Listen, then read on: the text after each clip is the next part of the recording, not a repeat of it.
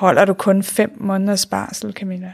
Jeg kan, jeg kan huske de der ting, og jeg tænkte, det er det mest naturlige. Selvfølgelig skal Morten holde barsel. Hvorfor skal mænd ikke holde barsel med deres børn? Jeg skal tilbage. Det er kedeligt at være hjemme, synes jeg. Velkommen til podcasten om topchefernes beskæftigelse, karrierevalg og ambitioner på tværs af forskellige industrier og brancher i Danmark. Undervejs hører vi om deres karriere, udfordringer og synsvinkel på chefrollen. Velkommen til Thomas og Cheferne. I denne episode taler jeg med en sjælden topchef, som har holdt sig godt skjult for mig i over 30 episoder. En gloværdig karriere, som vi sjældent kommer til at se i fremtiden, eller i min generation. Min gæst startede karrieren som forsikringsmaler i 1996, og har siden haft forskellige C-level stillinger, inden hun strøg til tops, og blev administrerende direktør sammen med en anden i virksomheden. Kan en virksomhed godt have to administrerende direktører? Det skal vi høre mere om. Velkommen til dig, Camilla Elverdal. Tusind tak. Det er jo simpelthen din uh, debut i det her podcast-univers, og intet mindre får du også fornøjelsen til at være første gæst i den her nye sæson. Og uh, som en fast tradition, uh, Camilla, så plejer vi at, at lade gæsten lige tage chefskasketten af, og så lige give en kort personlig præsentation af, hvem er Camilla? Ja, hvem er jeg? Jeg er 49 år gammel, og så er jeg gift med Morten. Morten han øh, kører ambulance.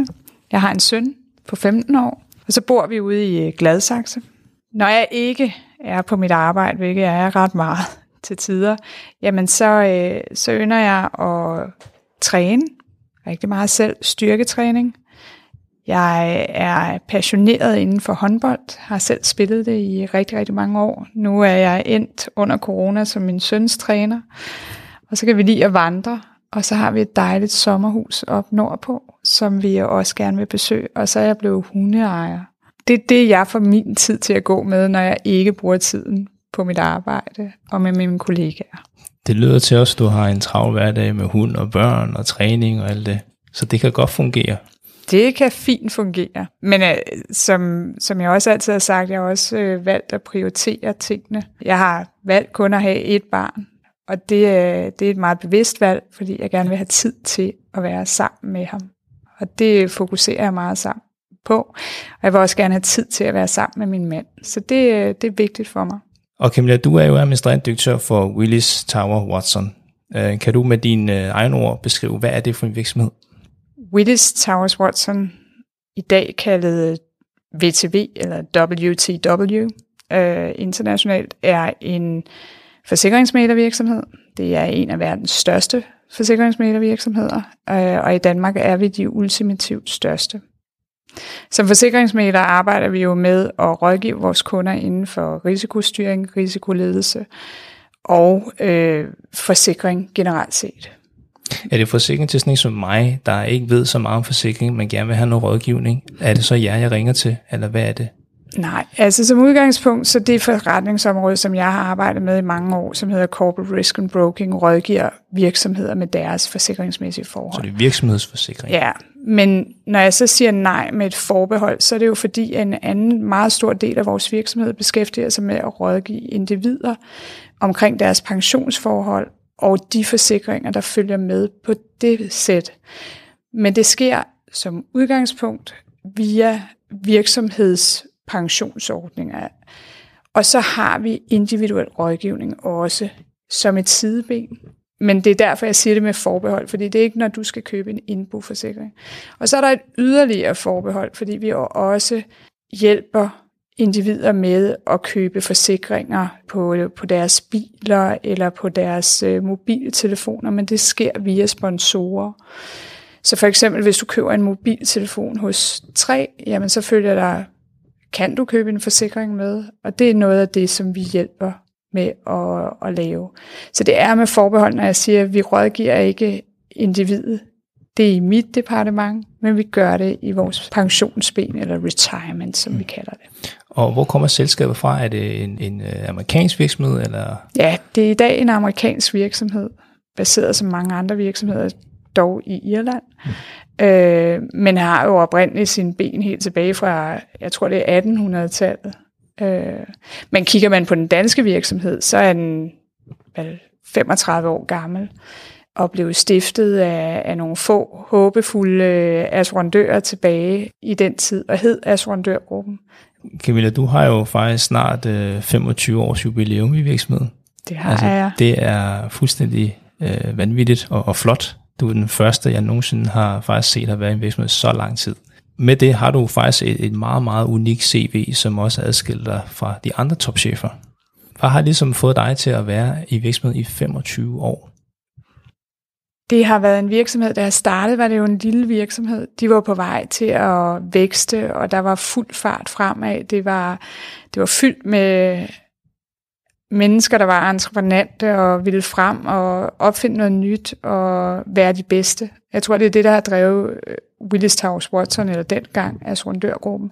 Vi ville være de bedste, vi ville være de største. Og det blev jeg en del af, og jeg blev grebet af den samme eufori omkring det at være i en virksomhed, som vækster. Og det er jo så blevet til, at vi, vi i dag er Danmarks største forsikringsmælervirksomhed øh, og rådgivningsvirksomhed inden for forsikring og risikostyring. Så er det mine kollegaer. Jeg er faktisk enormt privilegeret, og det vil man også kunne se, hvis man kigger ind på, hvor mange af mine kollegaer, der har været her mindst lige så mange år, som jeg har. Og det er jo fordi, at vi synes, det er sjovt at være her. Det at være det samme sted i mange år, har lige så meget at gøre med kollegaerne, som det har at gøre med virksomhedens værdier og virksomhedens mål og, og det, vi arbejder med. Og det er sjovt, du siger det her med kollegaerne, fordi altså, jeg havde også personligt selv en, en tanke om, at jeg kan sagtens se ved mig selv være her rigtig, rigtig mange år. Men mine kollegaer forlader mig bare hver andet år og, og hver tredje år. Og så bliver man så lidt, hmm, hvis de ikke er der, jamen, så er man måske mere tilbøjelig for at prøve noget andet. Men du siger, du har haft din kollega faktisk i mange år, næsten lige så lang tid, som du har været her. Jamen altså, hvis man skal kigge ind i det, så ham, der ansatte mig tilbage i øh, 97, og så startede jeg lige inde i, i, i 98, men han var der indtil han gik på pension. Og, og det gjorde han øh, tilbage i, det har været 2015, han går på pension. En af de første kollegaer, som jeg var med øh, omkring ansættelsen i, det er en god ven af mig i dag, men han er her også stadig. Øh, min kollega Lars, som, øh, som jeg driver virksomheden sammen med, som er min co-CEO, har været her i over 25 år. Og når man omgiver sig med mennesker, som man synes er, er sjove, og, og som kan inspirere en, og som kan udvikle en, jamen hvorfor så hoppe over på den anden side af gaden. Men tror du, det er sådan en, en generationsting, at det, det er der måske i din generation, der er der rigtig mange mennesker, der er der i en virksomhed i mange år, hvor i min generation, det tror jeg, det bliver sjældent. Altså er man i sådan en, det er bare den nye standard. Kan man gøre noget ved det overhovedet? Eller skal man jeg, synes, jeg, altså, jeg synes, det er, det er synd, at vi har så travlt. Altså, at vi som individer har fået så travlt med at komme videre. I stedet for lige at stoppe op og se på, hvilke muligheder der, hvor man er. Og nu nævnte du det her med, at du var co-CEO. Ja. Og det var noget andet bemærkelsesmærkeligt, fordi der er gik ind og undersøgte på, eller kiggede på jeres hjemmeside, så kunne jeg se, at Camilla var CEO, men så var der også en anden lige under dig, der hedder Lars Christensen, hvor der også står CEO. Og så sidder jeg og tænker, hvordan kan en virksomhed have to administrerende direktører? Er det et bevidst valg, eller hvordan er det sket? Jeg tror ikke, det var nødvendigvis var et øh, bevidst valg, det var et nødvendigt valg. På det tidspunkt, hvor det skete, der stod vi i en situation, hvor at øh, corona var lige rullet ind med, med, med fuld kraft. Det var to dage efter, at Mette Frederiksen hun lukkede Danmark ned. Jamen, der blev det annonceret, at æren havde købt Willis Towers Watson. Og ganske kort tid efter valgte vores daværende direktør at, øh, at sige op. Øh, og de kom så, øh, Lars har i mange år drevet det ben, der hedder retirement, og jeg har drevet det, der hedder corporate risk and broking. Og så kom de og spurgte, at nu, når vi nu stod i den her situation, og med den uvidshed, der, der var i, at æren stod og havde købt Willis Towers Watson Worldwide, om vi ville øh, påtage os denne her post sammen, fordi det var det, de så som øh, den bedste løsning her nu. Øh, og for Lars og jeg var det naturligt. Vi kommer ud af en virksomhed, der faktisk har haft to direktører i rigtig mange år. Så I blev spurgt på samme tid, om det var noget, I kunne tænke at gøre vi blev, sammen? Ja. Ikke, vi sad ikke i samme rum, men jeg tror, det var mere eller mindre synkront. Og hvad tænkte du, da du hørte det første gang?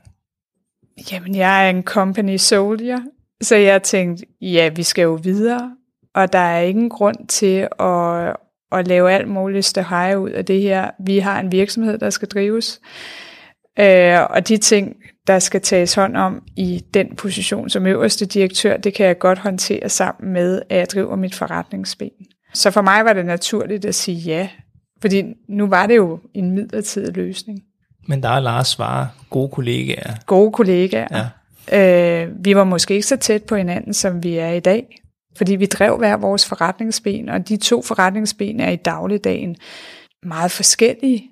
Så vi snakkede sammen, men vi havde nok ikke den samme sparring, som vi har i dag. Og er det sådan så, at I to I træffer de store beslutninger sammen? Det gør vi, ja. Det gør I? Ja. Altså hvis man kigger på vores dagligdag, så har vi valgt at dele øh, nogle af de mere praktiske ting mellem os, så vi ikke skal rende til hinanden hele tiden. Jeg tager noget jura og noget, noget øh, hvad hedder det, compliance og sådan nogle ting, og han tager noget kommunikation. Øh, og det kører bare. Jeg har fuld tiltro til, at Lars han har styr på det, ligesom han har tiltro til, at, at jeg har styr på de ting, som jeg har taget ansvaret for. Men hvad nu, hvis I bliver uenige? Hvad nu, hvis I ikke er enige? Hvad så? Hvem bestemmer så? Det gør vi stadig. Altså vi er jo nødt til, altså du er så nødt til at finde ud af, hvordan bliver vi så enige? Hvordan finder vi en løsning? Vi har ikke stået i situationen endnu, så jeg har svært ved at svare dig på, hvad, hvad det vil ende med, men vi er begge to enige om, at hvis vi ikke kan blive enige, så har vi en bestyrelse, der skal, og så må vi jo snakke med dem. Det tror jeg er den måde, vi blev enige om at håndtere det på, hvis vi nogensinde skulle stå i situationen. Det kommer vi meget mere tilbage til, Camilla, men nu skal vi lidt tilbage i tiden. Øh, fordi i 1998, der blev du jo færdiguddannet som forsikringsmaler, øh, som jeg så fra noget, der hedder Insurance Academy. Og, og det er også noget, jeg aldrig nogensinde har hørt om, hvad det er for noget. Øh, for jeg havde måske forestillet mig, at det var CBS eller hvad nu andre. Hvad er det for en skole, og hvorfor netop valgte du den uddannelse? Altså hvis vi skal starte med skolen, også for at forklare lidt om øh, det at blive forsikringsmaler, så har det ændret sig meget fra da jeg blev forsikringsmaler. Der er kommet en ny lovgivning siden 98, og i dag, øh, der, der skal du altså gennemføre en forsikringsmaleruddannelse for at blive forsikringsmaler. Da jeg blev forsikringsmaler, var det en titel, der var fri at bruge.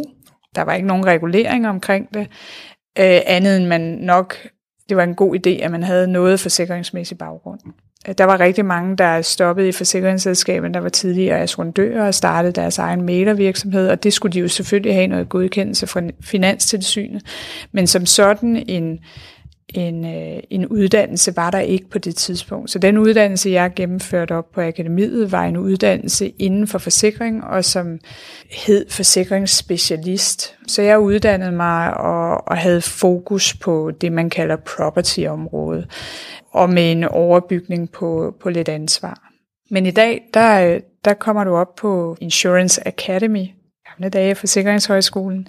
Og på Insurance Academy, der går alle, der uddanner sig inden for forsikring. Og det er uanset om du er i forsikringsmælerbranchen, eller om du er i et forsikringsselskab. Men for forsikringsmæler, der gælder det altså, at du gennemfører en specifik uddannelse, der handler om det at kunne håndtere uvildig rådgiv. Okay, og hvordan kom interessen for dig i at læse noget? Og den er, den er sjov øh, fordi jeg blev færdig som, øh, som student, og jeg tænkte, at jeg skulle ind og læse på universitetet. Og jeg startede også på universitetet, men jeg sluttede også meget hurtigt på universitetet. Jeg var inde og læse matematik og fysik og datalogi. Og lad os sige, at der var nogle mennesker, der var væsentligt ældre end mig på det studie. Og jeg indså meget hurtigt, at jeg måske nok ikke havde valgt helt rigtigt. Men øh, jeg har altid lært af min far, enten så skulle jeg gå i skole, eller også så skulle jeg arbejde. Så jeg tager beslutningen om, at så må jeg jo arbejde øh, for en periode, indtil jeg finder ud af, hvad jeg skal lave. En af de ting, der altid har optaget mig, er tal. Så jeg havde siddet og kigget i den der bog, hvad vil du være, tror jeg den hed, og, og der var jeg nået frem til, at det der aktuar, det synes jeg så rigtig spændende ud. Og hvis jeg skulle arbejde med det studie, så var det nok en god idé, at jeg måske arbejdede lidt med noget forsikring, så jeg forstod, hvad det var, Øh, der også ligger i det at være aktuar. Og dengang vidste jeg ikke særlig meget om det, det kan jeg godt indrømme. Øhm, så jeg, jeg tror ikke helt, jeg havde, havde fået tingene øh, sat ordentligt sammen oven i mit hoved, men øh, jeg ringede, altså den dag, jeg tog beslutningen om at stå, stoppe med at læse, jamen der satte jeg mig ned med telefonbogen, og så ringede jeg til alt, hvad der havde med, med forsikring at gøre, og spurgte, om de havde brug for sådan en som mig. Jeg, kunne, jeg var god til at skrive på maskinen, og så var jeg god til at regne. Det var sådan nogenlunde de kvalifikationer, jeg kunne øh, præstere på det tidspunkt. Forsikringskonsulenterne ude på Bakkersvej synes, det lød som en fornuftig ting, og inviterede mig ud til en samtale dagen efter. Øh, og mandagen, der startede jeg så som vikar.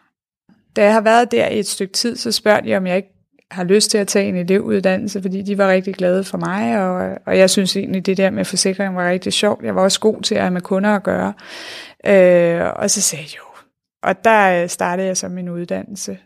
Og det, der er vigtigt at sige med akademiet, det er jo, at det er en, en virksomhedsbetalt ordning. Det vil sige, når man tilbyder sine medarbejdere at tage en uddannelse på, på akademiet, jamen så går virksomheden op, ind og betaler et, en række kurser på akademiet, hvor du dygtiggør dig inden for forsikring. Øh, og jeg vil gerne blive dygtig inden for forsikring. Jeg vil gerne blive en af de dygtigste inden for forsikring. Hmm. Så det var det, der drev mig. Så der, der er jo ikke nogen af dine forældre, der ligesom har en matematisk baggrund, eller laver noget lignende i den stil? Overhovedet ikke. Min du... far var meget, meget dygtig med alt skolearbejde, og han kunne nok godt have taget en, en meget, meget flot uddannelse som akademiker, men han valgte at blive autoriseret elinstallatør og havde ja. sit eget firma. Med de første år, du var der og, og arbejdede med det, var det som forventet? Hvad jeg tror, det kaldet første blik ved, ved, ved stillingen og det, du lavede? Jeg tror ikke, der var noget ude i den virksomhed, der var som forventet. Altså, jeg trækker på smilebåndet, fordi jeg havde en ekscentrisk chef, Preben. Han kørte, øh, han kørte Harley Davidson og gik i lædertøj med frynser. Øhm, øh, og, og han havde, altså faktisk kom jeg til at tænke på ham, og det, det skal overhovedet ikke, men, men han, han var ekscentrisk, og han havde sin skrivestue, hvor alle hans sekretærer sad. Altså, det, og, og jeg blev oplært på diktafon, fordi han tog posten under armen, når han gik hjem om aftenen, og så sad han derhjemme og dikterede brevene til alle kunderne, øh, som vi så skulle skrive Altså sådan fungerede det. Og så sad man der med sine ørepropper i, og så skrev man øh, på maskine eller på, på sin PC. Og efter seks år hos øh, forsikringsmalerne, så skiftede du så til VTV ja. øh, som forsikringsmaler. Kan du huske øh, din første dag og forventningerne, da du trådte ind i virksomheden her? Ja, jeg, kan, jeg tror mest, jeg kan huske lokalerne. Altså det, det, er sådan, det står meget klart for mig, fordi jeg var blevet interviewet over i, øh, i det, nogen ville kalde hovedbygningen, øh, og vi sad i de fine lokaler over på den anden side, men det var ikke tilfældet. Det var nogle ekstra lokaler, der var blevet lejet. Der sad vi over, og det der er sjovt, det er jo, at mange af dem, jeg sad med, der, der med dengang, stadig er her i dag. Og når vi mindes øh, nogle af de ting, vi har lavet i, altså hvordan vi fejrede, at vi fik nye kunder og alle de der ting, jamen så, øh, så trækker vi alle sammen på smilebåndet, fordi det er bare en anden tid. Se det i bagspejlet nu. Hvad har ligesom fået dig til at træffe det rigtige valg fra at skifte fra forsikringsmalerne her til VTV? Hvad, hvad fik dig til at skifte der?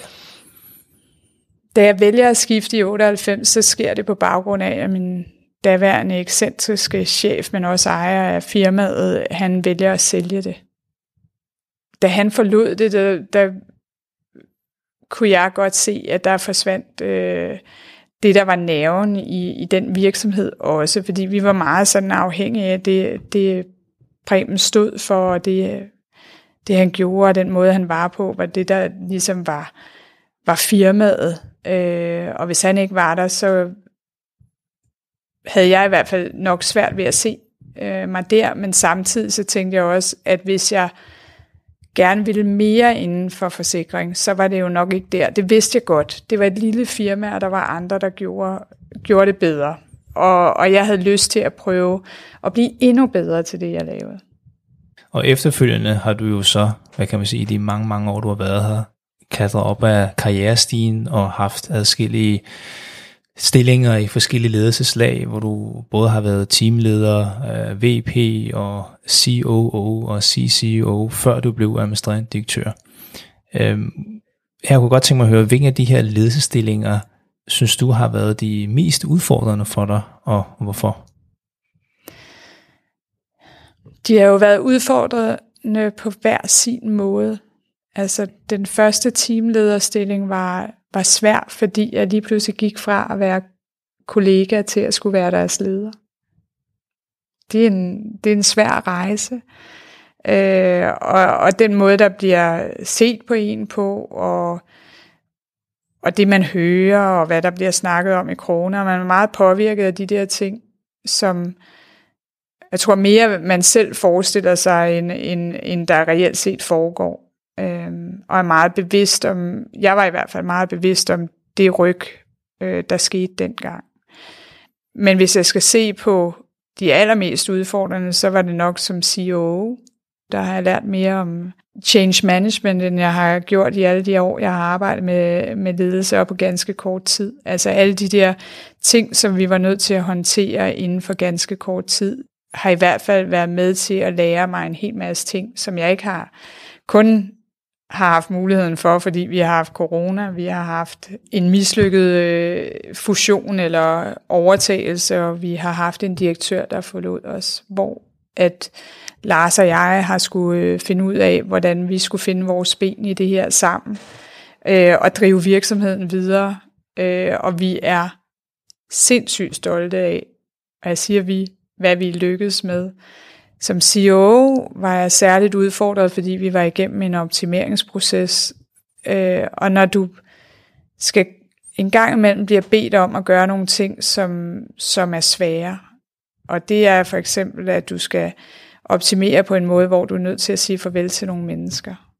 Og i den periode sige farvel til rigtig mange mennesker, og personligt sidde over for dem. Mm. Jeg har altid været en type, hvor det er meget nemt at se, hvad, hvad jeg føler og hvad jeg tænker. Det er sjældent folk er i tvivl, om jeg er vred, glad eller ked af det. Og skulle fortælle nogen, som jeg selv har været med til at ansætte, at vores rejse sammen stopper her, det synes jeg er, noget af det allersværeste. Men hvis jeg ikke føler sådan som leder, så vil jeg ikke være en god leder. Og jeg synes også, det er også sjældent, jeg har set, at man har haft så mange forskellige hvad kan man sige, store ledelsesposter, hvor man har skiftet for eksempel fra at være CEO til CCO osv. Er det nogle muligheder, der dukker op, fordi du har en, måske også haft en, en trang og lyst til at prøve forskellige ledelseslag af, eller hvordan er de dukket op, og hvordan er du blevet tilbudt dem? Ja, det er et rigtig, rigtig godt spørgsmål, Thomas. Øh, fordi jeg har jo aldrig selv sådan følt, at jeg har været ambitiøs. Jeg har haft en rigtig, rigtig god leder. Min gamle leder, Paul Ørum, han så noget i mig, mig, som jeg ikke selv så. Jeg tror, hvis du havde spurgt mig tilbage i, i, i 2000, hvor ser du dig selv om 10 år? Som landets bedste forsikringsmaler. Det tror jeg, mit svar havde været. Fordi det var det, der drev mig, og, og, og stadig driver mig i dag, det er, at jeg stadig vil have noget, jeg kan tilbyde kunderne. Så havde du spurgt mig der, så havde jeg sagt, så havde det været mit svar. Og havde du spurgt mig, da jeg sad som min, øh, altså Paul Ørums højre hånd, så havde jeg sagt, at jeg skal være lige her, fordi det er der, hvor kunderne er. Men de er jo blevet ved med at spørge mig, og jeg har sagt ja øh, for hvert trin, jeg har taget. Har der været nogle af de her ledstillinger, hvor det har været et forkert valg for dig, hvor du siger, det her er rigtig forkert, det er ikke mig? Nej. Det har der ikke? Nej. Det er faldet helt naturligt. Da jeg blev spurgt, om jeg ville være CEO, og så kom det sig af, at, øh, at nogle af de ting, jeg havde arbejdet med som, øh, som Pauls øh, souschef, det var, at jeg havde arbejdet med optimeringer.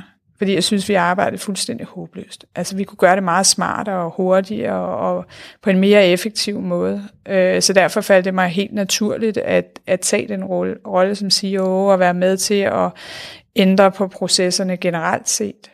Jeg så også på, øhm, på dit tv, at du også har taget et program fra INSEAD. Ja. Og INSEAD er jo et meget, meget top, øh, hvad kan man sige, skole eller, eller universitet, hvor man tager de her executive uddannelser og MBA. Og her var jeg lidt nysgerrig over, hvorfor tog du for eksempel ikke en MBA, som mange af de oftest uh, topchefer har taget frem for det her program? Øh, jeg har et job, hvor jeg har en rolle, og den rolle skal udfyldes. Øh, og jeg, jeg har ligesom mange andre kigget på, øh, skulle jeg tage en uddannelse eller noget andet. Øh, men hver gang er jeg nået frem til, at det tager uhyggeligt meget tid, øh, koster rigtig mange penge, og hvis jeg kigger på udbyttet i sidste ende, og nu bliver jeg hård, øh, så var det måske ikke det, som jeg forventede. Derfor valgte jeg den anden uddannelse fra INSAT, hvor jeg kom hurtigere igennem og fik den vigtigste viden. Det var inden for strategi, innovation og ledelse. Øh, Men er det også sådan en, altså en langårig program nej, på et år, eller er det nej. sådan en, en måned? Eller? Nej, det er et komprimeret program, hvor du øh, har noget selvstudie, og så har du øh, tre uger i fællesskab med dine studiekammerater, og derimellem også en, en større aflevering, hvor man arbejder med et projekt. Så det er faktisk, som du sagde, det der med at prioritere tid, for sådan en MBA ja. tager jo også et til to år. Et til to år. Du skal være dernede. Og... Man skal være dernede, og det tager tid væk fra, fra det, som, som egentlig er mit job, nemlig at drive en virksomhed. Og, og du og Lars, din co-CEO, I har jo fulgt hinanden hele vejen, stort set, for i virksomheden. I har jo begge to været her i rigtig, rigtig mange år. Jeg kunne godt tænke mig at høre lidt omkring, hvordan ligesom forholdet er i dag, fordi jeg tænker også lidt, er I ikke også hinandens konkurrenter? Som jeg sagde tidligere, så, så har vi jo drevet hver vores forretningsben og været kollegaer. Og øh, Lars kan rigtig meget inden for, øh, for pension og retirement, øh, altså hele det her personområde, øh, og jeg vil ikke gøre mig nogen som helst tanker om at kunne øh, matche ham på de områder, lige så vel som han ville have lige så svært ved at matche mig på de andre områder. Så vi har været kollegaer, der voksede op gennem virksomheden i hvert vores ben. Så, så på den måde har vi arbejdet sammen. Men jeg har jo ikke blandet mig i hans forretninger, han har ikke blandet sig i min. Mm. Bortset fra, da jeg var CEO, fordi der arbejdede jeg på tværs af, af, af begge forretningsben. Da I så begge to hver især får det her at vide, at jamen, I hver især er blevet tilbudt at være direktører sammen, øh, hvad, hvad for nogle tanker og bekymringer gik ind i dig? Altså jeg tænker, det må også være sådan lidt, jamen uha, kan jeg nu med ham, nu vi for alvor skal arbejde sammen? Og... Jamen, altså Lars og jeg havde jo siddet, på daværende tidspunkt siddet i direktionen sammen siden 17, 16-17 stykker. Så, så vi, vi kendte hinanden rigtig godt, og vi var også med til at træffe fælles beslutninger i direktionen. På den måde har, har jeg ikke på noget tidspunkt bekymret mig om, hvordan Lars tænkte, eller hvad Lars gjorde, eller nej. Men hvordan har processen været? Altså har man så fået jer ind i et lukket rum og se, nu skal I lige finde ud af, om, om I gider hinanden og, og være sammen om det her post, eller har man simpelthen ventet på en af jeres svarer, eller begge to svarer, eller hvordan? Jamen, jeg tror, vi begge to svarede meget hurtigt. Du skal jo forestille dig, at du, vi står i en situation, hvor vi på den ene side får at vide, nu skal I høre, øh, jeres direktør har valgt at sige op. Det er en stor international virksomhed, så du bliver jo kontaktet af din, din leder, som siger, at jeres direktør har valgt at sige op. Øh, vi har jo de der æren, der står og er i gang med at tage os over. Øh, vi skal have drevet virksomheden. Vi synes, det ville være en rigtig god idé, hvis, øh, hvis øh, dig og Lars I, øh, I tog det sammen. Hvad siger du til det? Og svaret, og jeg, og jeg tror, det samme gælder for Lars Fald, bare naturligt. Ja, vi har været her i, som du selv siger, i rigtig, rigtig mange år. For os handler det om at drive en virksomhed, der er en stor del af vores hjerteblod. Men det er også en stor, altså anderledes beslutning, ikke? Altså for det første, en direktørpost er jo i sig selv en stor beslutning, men at drive det med en anden er jo også en endnu større beslutning. Øh, men I tøvede ikke. Jeg gjorde i hvert fald ikke, og jeg ja. tror heller ikke Lars gjorde det, fordi det skete meget hurtigt. det, jeg tror, det er det bedste svar på det. Hvordan har medarbejderne taget det så? Der, der, man, der medarbejderne så fik en melding om, at nu er der altså ikke en direktør, men det er altså to. Jamen, altså for nogle øh, var det ikke det store hokus pokus, fordi altså for dem, der har været her i rigtig mange år, jamen så var de også vant til, at der var en skadesdirektør, og der var en livdirektør, som drev virksomheden sammen. Det er tilbage i tiden.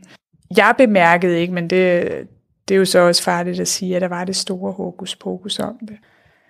Og der er sikkert blevet snakket om, hvordan skal det gå, og vil de blive uvenner, og der har sikkert været mange spekulationer, men den når sjældent helt op, eller helt ind til os. Øh, det foregår sådan typisk, tror jeg, ude i, i krone. Men på topledelsesniveau, er det så en konstitution, altså du sagtens også kunne anbefale, altså at ja, få andre virksomheder at prøve? Ja da, Hvor, altså vi har jo valgt at blive i det. Og der er mange, der spørger, hvorfor har I gjort det? Men vi har jo valgt at blive i det, fordi det passer os rigtig godt. Det der med, altså, hvorfor er det så vigtigt, at man skal stå alene med en beslutning? Hvorfor er det så vigtigt, at man skal stå alene på toppen? Vi er en partnerdrevet organisation, og vi har været vant til, at mange beslutninger skulle træffes af mange mennesker og i fællesskab. Så for mig, ja, det, altså for mig er det ikke det vigtigste at være den, der bestemmer, og slet ikke alene. Det er da rart at kunne sætte sig ned og snakke med en, lige så vel som når vi skal træffe nogle svære beslutninger i vores liv, så er det da rart, at man har en anden part at kunne træffe dem sammen med. Altså, skal du sælge dit hus? Så er det jo rart, at du ikke sidder der alene og skal gøre det, og du gør det sammen med din mand eller din kone. Mm. Ikke at sige, at man ikke, det er forkert at sige, at vi ikke kan træffe beslutningerne selv, fordi både Lars og jeg er i stand til at træffe beslutninger. Og jeg ved jo helt sikkert med de mange år, du har været der, at der også har været nogle folk, der har taget fat i dig og, og spurgt om du skulle herover og derover. Men alligevel har du hver gang i sidste ende sagt nej. Hvad er det, der ligesom har fået dig til at modstå fristelserne? For det er jo det, mange unge i dag også bliver udsat for. Den her fristelse med, at du kommer herover, får du lidt mere løn, eller du kommer herover for en høj stilling, eller bare kunne sige, nu prøver man noget nyt, og græs og grønnere på den anden side. Altså hvad har ligesom fået dig til at kunne modstå de her fristelser? Ja, yeah, altså... Øh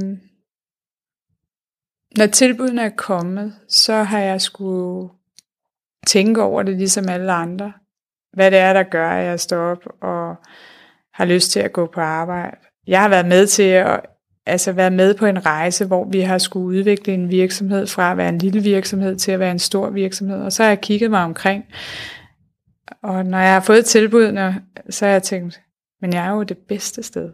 Jeg er jo der, hvor de dygtigste er er jo der, hvor jeg kan lære mest. Og sjov nok har jeg det stadig sådan, øh, for bare fordi jeg, jeg er direktør eller CEO, gør det jo ikke, at jeg ikke stadig har, har kollegaer, der kan lære mig noget. Øh, og jeg tror stadig på, at øh, VTV er de bedste, øh, og leverer det bedste produkt. Skulle jeg så gå et andet sted hen, når jeg ved, at det, jeg laver, er det rigtige? Selvom lønnen er lidt højere. Det var meget sjovt. Jeg mødte, jeg mødte nogle nye medarbejdere, nogle nye gamle medarbejdere i kantinen for ikke så længe siden. Nogen, som havde været væk og kommet tilbage. Og jeg er så glad for at, at møde de mennesker. Fordi alle skal have lov til at prøve at se, om græsset er grønnere på den anden side. Det allerbedste er, når de kommer tilbage og kan fortælle, at det var det faktisk ikke. Fordi så bekræfter det jo også bare mig i, at jeg år efter år har truffet en rigtig beslutning i at være her. Og karrieremæssigt kan man sige, du er jo nået toppen i VTV. Øhm, og stigen bliver måske ikke højere for dig, der hvor du er lige nu, øh, som den øverste topchef. Hvad er så dine ambitioner herfra? Jeg er ikke nået det øverste niveau endnu. Vi er en virksomhed med 45.000 ansatte. Rejsen behøver jo ikke at stoppe her der er muligheder internationalt, og det er det, man skal huske. Det er både godt og skidt at være en del af en stor international virksomhed, men mulighederne er jo nærmest uendelige, øh, hvis man går efter dem og, og gerne vil det. Lige nu har jeg ikke noget andet behov. Der er så meget, vi stadig mangler at gøre her, så, øh, så der er masser at tage fat i. Da jeg interviewede øh, direktøren for Sydbank, Karen Frøsik, mm. øh, der sagde hun, at en af hendes øh, nøgle eller kilder til, hun var der, hvor hun var, det var fordi hun var netop var gift godt. Og jeg kunne høre fra dig i starten, at du havde en mand, som, som ikke har en, en topchef, for I er ikke det her power couple. Hvordan ser du jeres parforhold i forhold til den måde, man tænker kvinder og karriere, arbejdsliv og fordeling osv.? Jamen, jeg er også godt gift. Øh, og jeg er privilegeret, og jeg er heldig, at jeg har Morten, og jeg mødte en, som havde lyst til at, øh, at være ham, der, der hjalp mig med at nå det, som jeg ikke selv troede, jeg ville, men som nogen fortalte mig, at jeg skulle prøve. Øh, og han har været der hele vejen. Og han har også en gang imellem været lidt træt af det. Men han har taget tørnen. Han har, øh, han har han holdt barsel før mange mænd begyndte på tror jeg. Han var øh, Nå, skal Morten holde barsel? Holder du kun fem måneders barsel, Camilla? Jeg kan, jeg kan huske de der ting, og jeg tænkte, det er det mest naturlige. Selvfølgelig skal Morten holde barsel. Hvorfor skal mænd ikke holde barsel med deres børn? Jeg skal tilbage. Det er kedeligt at være hjemme, synes jeg. Og han har taget en kæmpe tørn i at hente og bringe.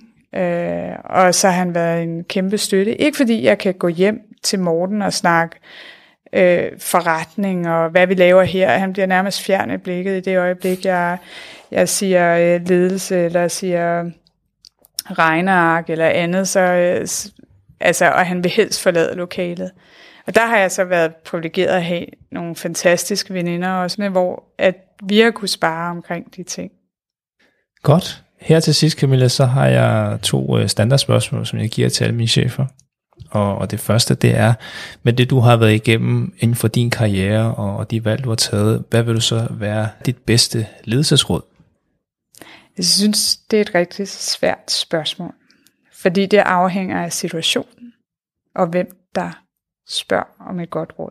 Så jeg vil hellere vende om, og så sige, hvis jeg skulle se på, hvad, hvad det er for en filosofi, jeg selv har brugt øh, i at være leder, så handler det om at gå foran, være parat til at smøge ærmerne op og tage den samme medicin, som man sender ud omkring sig, øh, og så være sig selv. Vil det være det samme råd, hvis jeg var en ung forsikringsmaler, der lige startede fuldtid hos dig? Smøge ærmerne op. Smøge Altså min far har altid sagt, at man skal være parat til at få beskidte fingre. Og det har jeg lært fra jeg var 8 år og stribede kabler for at få penge. Altså, så, øh, så det, øh, det er sådan, det er. Altså, hvis du gerne vil have folk til at være med dig og tro på dig, så er du også nødt til at vise, hvor, hvad vej man skal gå. Og det andet spørgsmål, Camilla, det er, hvis du nu skulle overrække øh, Camillas chefpris, hvem vil du så give den til, og hvorfor? Min mor. Fordi hun er den bedste chef, jeg nogensinde har oplevet. Hun styrede vores husholdning med hård hånd, øh, og sørgede for, at min far han kunne drive sin lille håndværksvirksomhed, og vi piger kom godt igennem det. Da min far døde, der var jeg ganske ung, og hun styrede det stadig med hård hånd. Hvad hedder din mor? Hun hedder Rut. Godt, vi giver chefprisen til Rut. Jamen, uh, tusind tak for at invitere mig herud og høre omkring din spændende karriere. Selv tak. Tusind det var en tak. fornøjelse. Tak fordi du lyttede med til denne første episode af den nye sæson med administrerende direktør Camilla Elverdal fra Willis Towers Watson. Jeg synes, det var super spændende. Meget, meget unik karriere, som vi nok sjældent ser i min generation, men lad os nu se, om der kunne være et håb derude for at finde en, som kunne gøre det samme. Det ville være en fantastisk historie også. Men jeg synes, det var super spændende det her med at kunne have to officielle administrerende direktører i en virksomhed, så jeg håber også, I synes, det var spændende. Mit navn er Thomas Sang Mathisen, og det er altså mig, der er chefen i denne podcast. Vi ses til den næste episode, men indtil da må ambitionerne og ledelsespotentialet være mere.